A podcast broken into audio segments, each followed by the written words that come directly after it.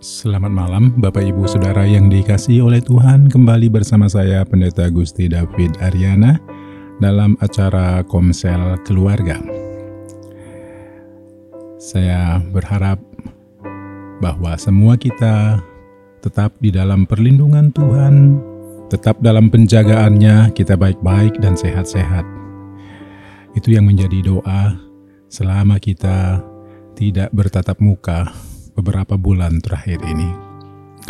Bapak Ibu Saudara yang dikasih oleh Tuhan, mari seperti biasa kita mengambil waktu teduh bersama-sama dengan keluarga. Untuk itu silahkan salah seorang dari kita memimpin di dalam doa. Sementara berdoa silahkan di pause dulu audionya.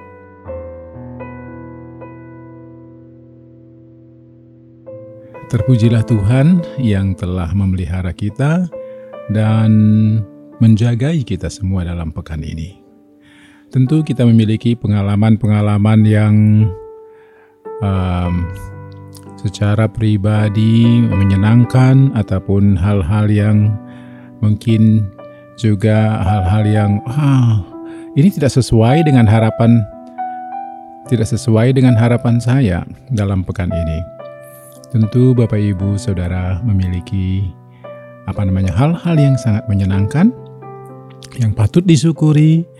Dan kalau ada hal-hal yang mungkin nggak sesuai dengan harapan harap berharapnya baik ataupun ekspektasinya tinggi tetapi nggak tercapai dalam pekan ini um, atau bahkan jauh dari itu atau terjadi sebaliknya mari silakan berbagi satu dengan yang lainnya Sementara berbagi, silahkan di pause dulu audionya.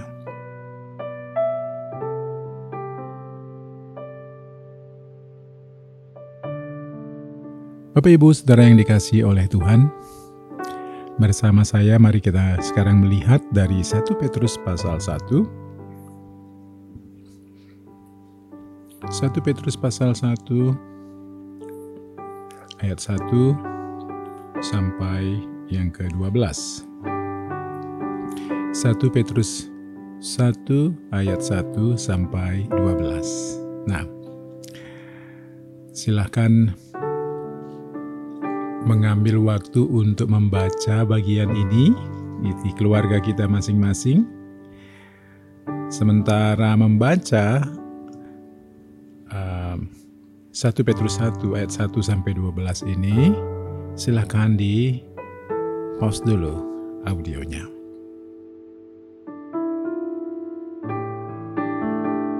Bapak, ibu, saudara yang dikasih oleh Tuhan, beberapa pertanyaan penuntun yang saya siapkan dari 1 Petrus 1 ayat 1 sampai 12 ini, mari simak bersama-sama pertanyaannya, lalu kemudian langsung melihat kepada Alkitab kita masing-masing.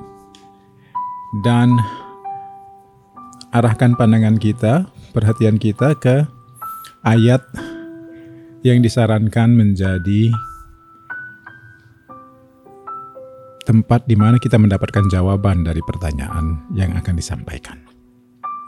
Mulai dari yang pertama. Siapakah penerima surat yang dikirim oleh Rasul Petrus ini? Di dalam ayat 1. Sepertinya ada beberapa ya beberapa kelompok orang yang ada di sana, termasuk suku-suku suku-suku bangsa yang ada di sana. Itu siapa penerima surat yang dikirim oleh Rasul Petrus ini? Lalu pertanyaan yang kedua, apa status mereka? Disebut apa mereka di ayat 2? Jadi apakah mereka punya penduduk tetap atau atau apa istilah yang dipakai di sini ya? Apakah mereka pribumi atau non pribumi atau apa status mereka di situ? Lalu yang ketiga, apa proses yang mereka alami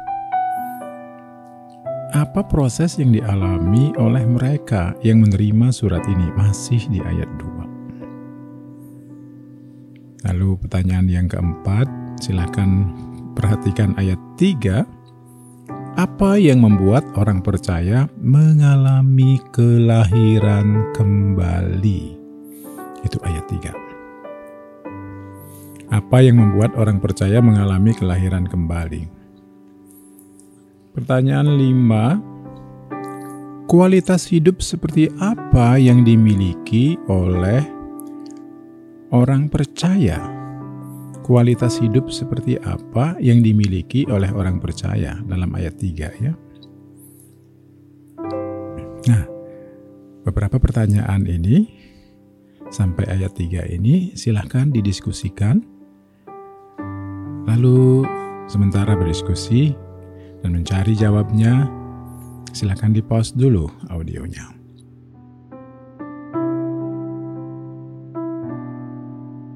Kita lanjut, silakan sekarang perhatikan ayat yang keempat. Ini pertanyaan nomor 6 sekarang.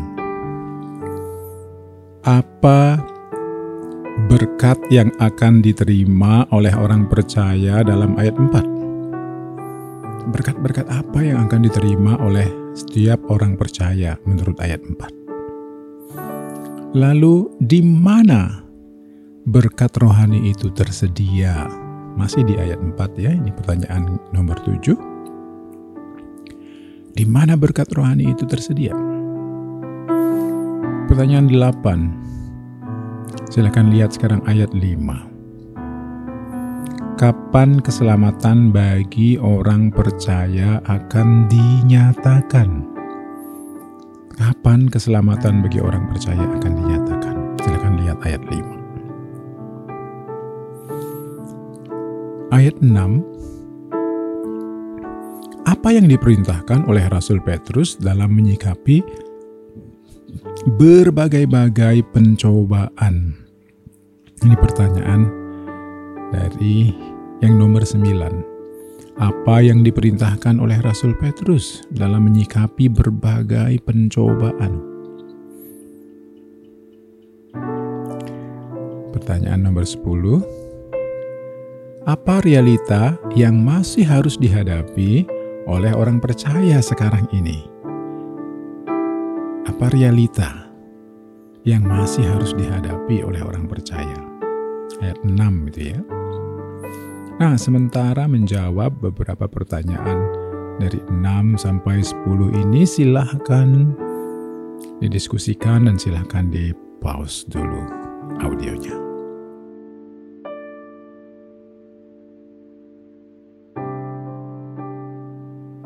Bapak Ibu Saudara yang dikasih oleh Tuhan, sekarang kita menginjak pertanyaan nomor 11 apa tujuan berbagai pencobaan yang diizinkan untuk dialami oleh orang percaya? Itu ayat 7 ya. Kalau kita mengalami pencobaan dan diizinkan mengalami pencobaan, kira-kira apa tujuannya? Ayat 7. Pertanyaan nomor 12, masih di ayat 7 apa yang akan diterima oleh mereka yang telah tahan uji? Atau istilah yang dipakai di sana, tahan uji itu sama dengan dimurnikan dengan api. Ya. Apa yang akan diterima oleh mereka yang telah tahan uji? Sekarang pertanyaan 13. Kasih seperti apakah yang dimiliki oleh orang percaya dalam ayat 8? Kasih seperti apa yang mereka miliki? Ayat 8. Sekarang pertanyaan nomor 14. Apakah yang membuat orang percaya mengalami sukacita yang tak terkatakan? Ayat 8b sampai 9. Nah, sementara menjawab beberapa pertanyaan tersebut, silakan di pause dulu audionya.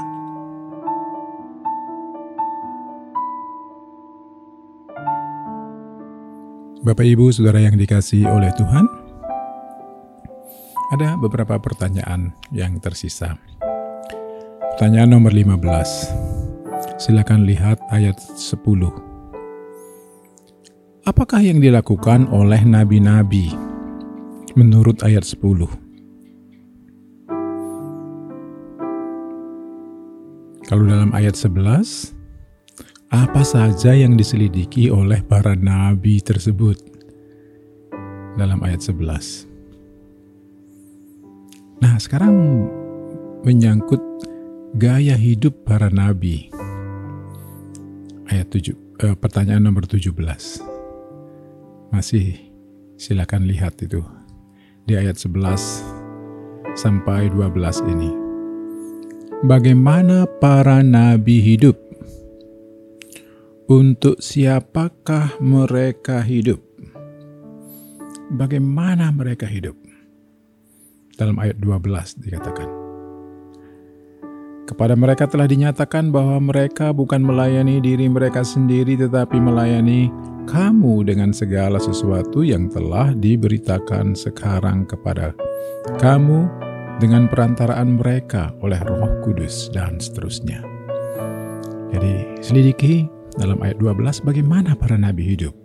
Untuk siapa mereka hidup menurut ayat itu. Pertanyaan yang terakhir, rahasia macam apa yang ingin diketahui oleh para malaikat dalam ayat 12 ini.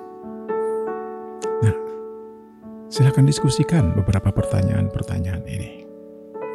Sementara mendiskusikan silakan di pause dulu audionya.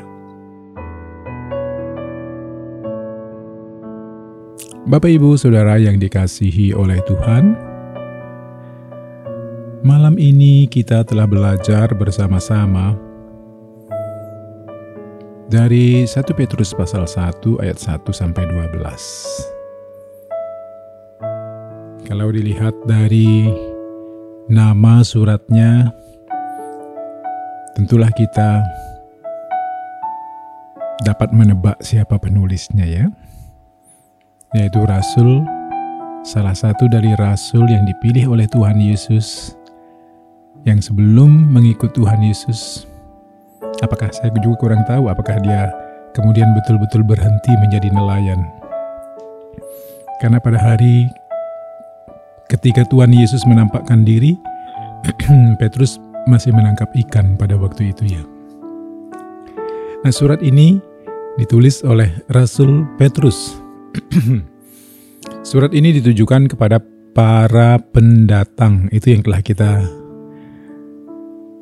dapat jawaban tadi dari ayat-ayat bagian pertama ya.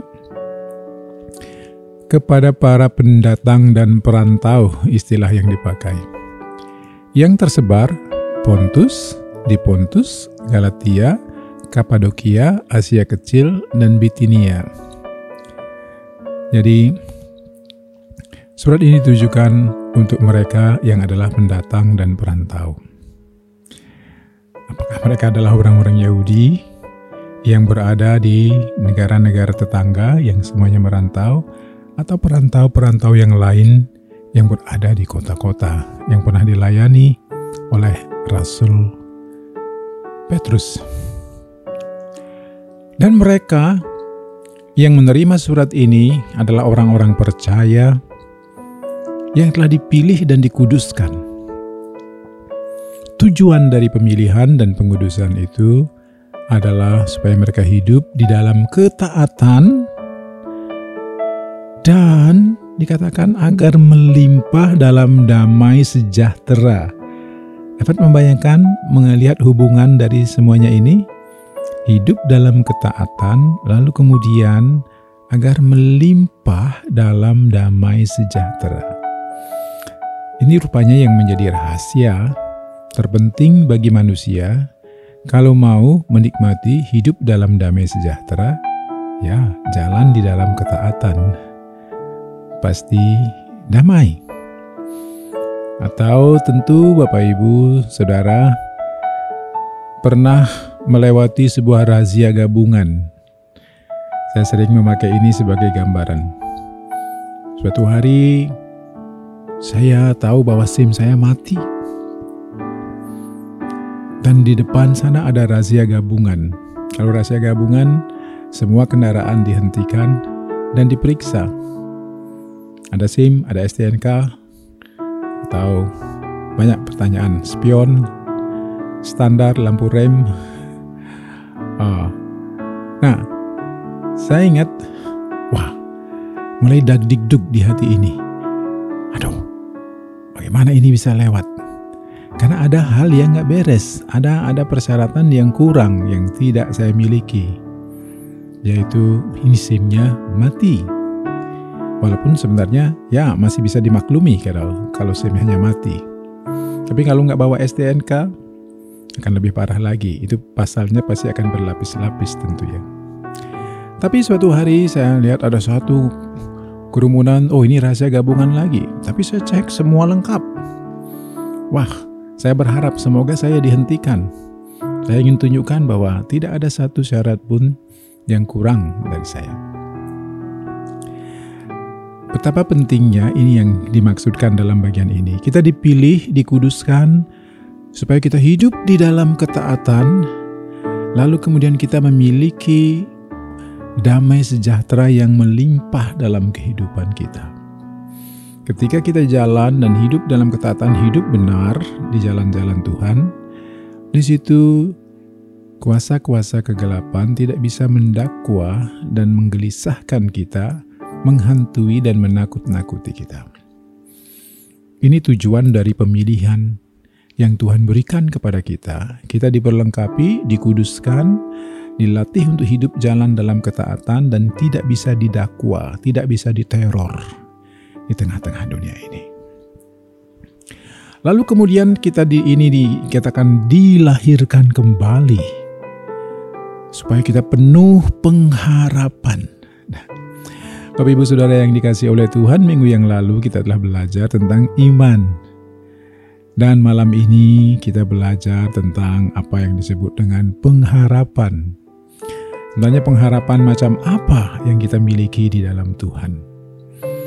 Pengharapan ini yang dikatakan bahwa tak dapat binasa, tidak dapat cemar, dan tidak dapat layu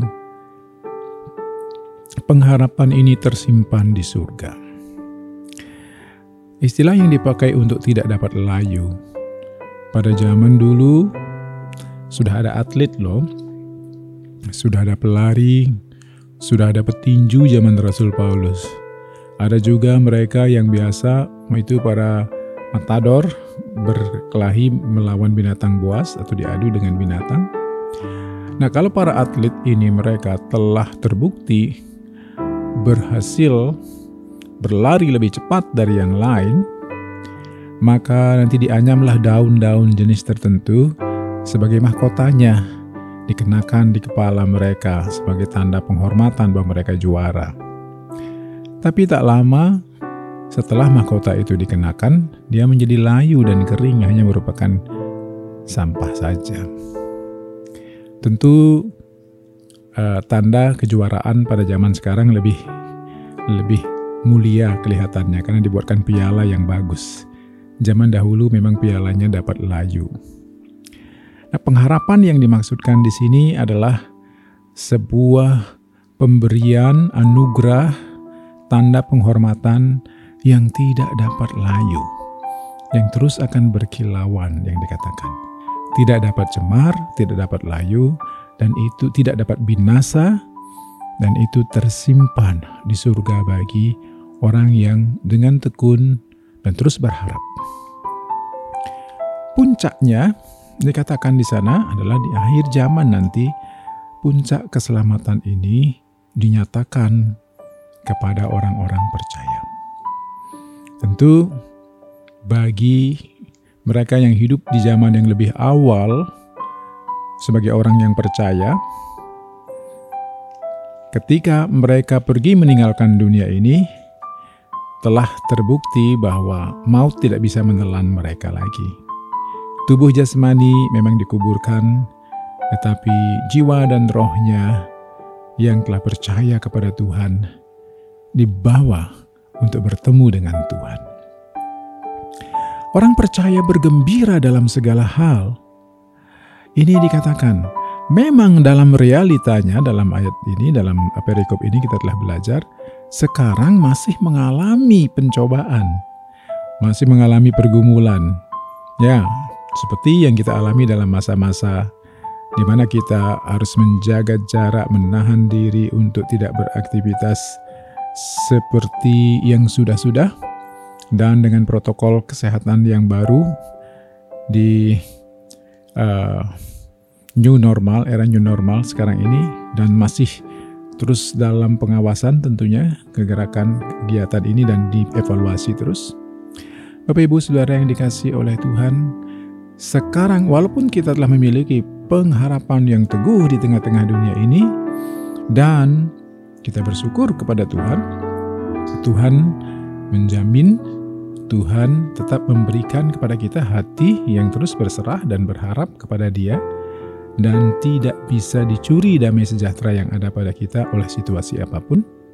Dan memang dikatakan bahwa sekarang di muka bumi ini kita masih mengalami pencobaan dan kesukaran. Dan bahkan dikatakan diproses, dimurnikan. Berbahagialah orang yang bertahan, karena puji-pujian akan diberikan bagi mereka yang tahan uji pada waktu Tuhan Yesus menyatakan dirinya. Teruslah berharap, Bapak Ibu Saudara yang dikasih oleh Tuhan, apa pun situasinya di tengah-tengah dunia ini.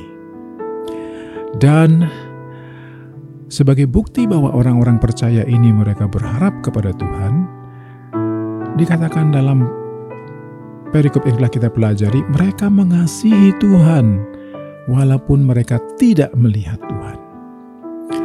Bahwa mereka memiliki sukacita yang mulia yang tak terkatakan di dalam hati mereka. Apakah sukacita yang mulia itu, yang tak terkatakan itu, telah menjadi pengalaman hidup kita ketika kita terus-menerus menaruh harap kepada Tuhan? Nah, inilah hal-hal yang diteliti oleh para nabi. Rahasia keselamatan inilah yang dikatakan yang diteliti oleh nabi-nabi itu yang telah kita pelajari tadi. Dan bahkan orang-orang yang menaruh harap kepada Tuhan dan menantikan keselamatan yang masih jauh di depan karena mereka ada di perjanjian lama pada waktu itu. Para nabi ini telah mencontohkan sebagai orang yang berharap kepada Tuhan, mereka tidak hidup bagi dirinya sendiri. Mereka melayani orang-orang percaya, baik dengan berita yang mereka sampaikan, bahkan kalau bisa dikatakan yang ingin diketahui oleh para malaikat. Wow, hal-hal yang diselidiki yang apa namanya dipelajari oleh para nabi ini membuat kepo para malaikat. Mereka penasaran untuk hal-hal yang apa, keselamatan macam apa yang ada pada masa yang akan datang. Bapak Ibu Saudara yang dikasih oleh Tuhan, inilah pengharapan yang kita miliki di dalam Tuhan.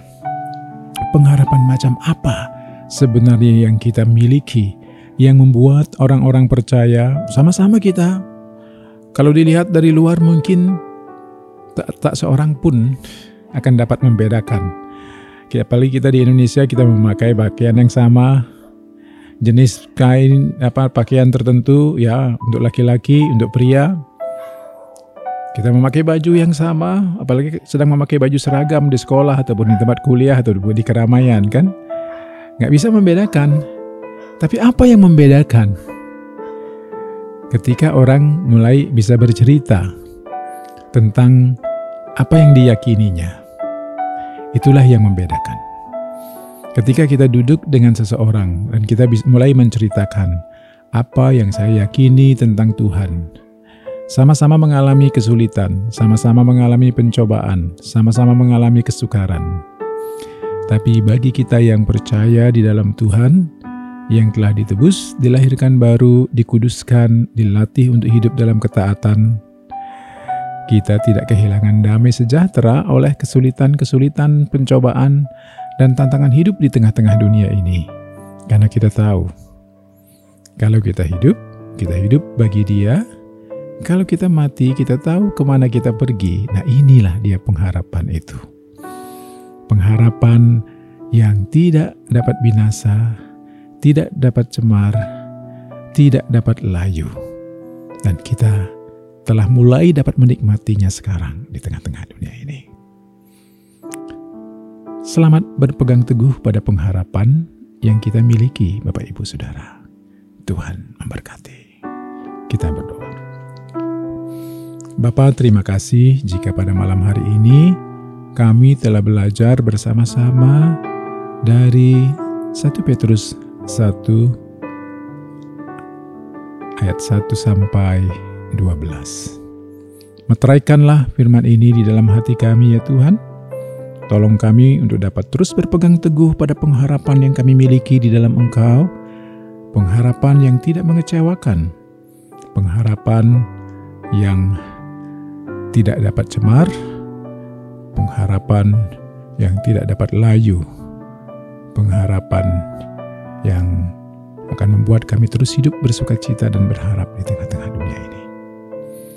Terima kasih Bapa, terpuji namamu, buatlah kami kuat untuk melewati segala sesuatu yang harus dihadapi di tengah-tengah dunia ini. Karena kami tidak sendiri, tapi berjalan bersamamu. Termeterailah kiranya pesan ini, pelajaran ini di hati kami. Dalam nama Tuhan Yesus. Amin. Selamat malam Bapak Ibu Saudara yang dikasih oleh Tuhan. Sampai jumpa minggu depan. Tuhan memberkati.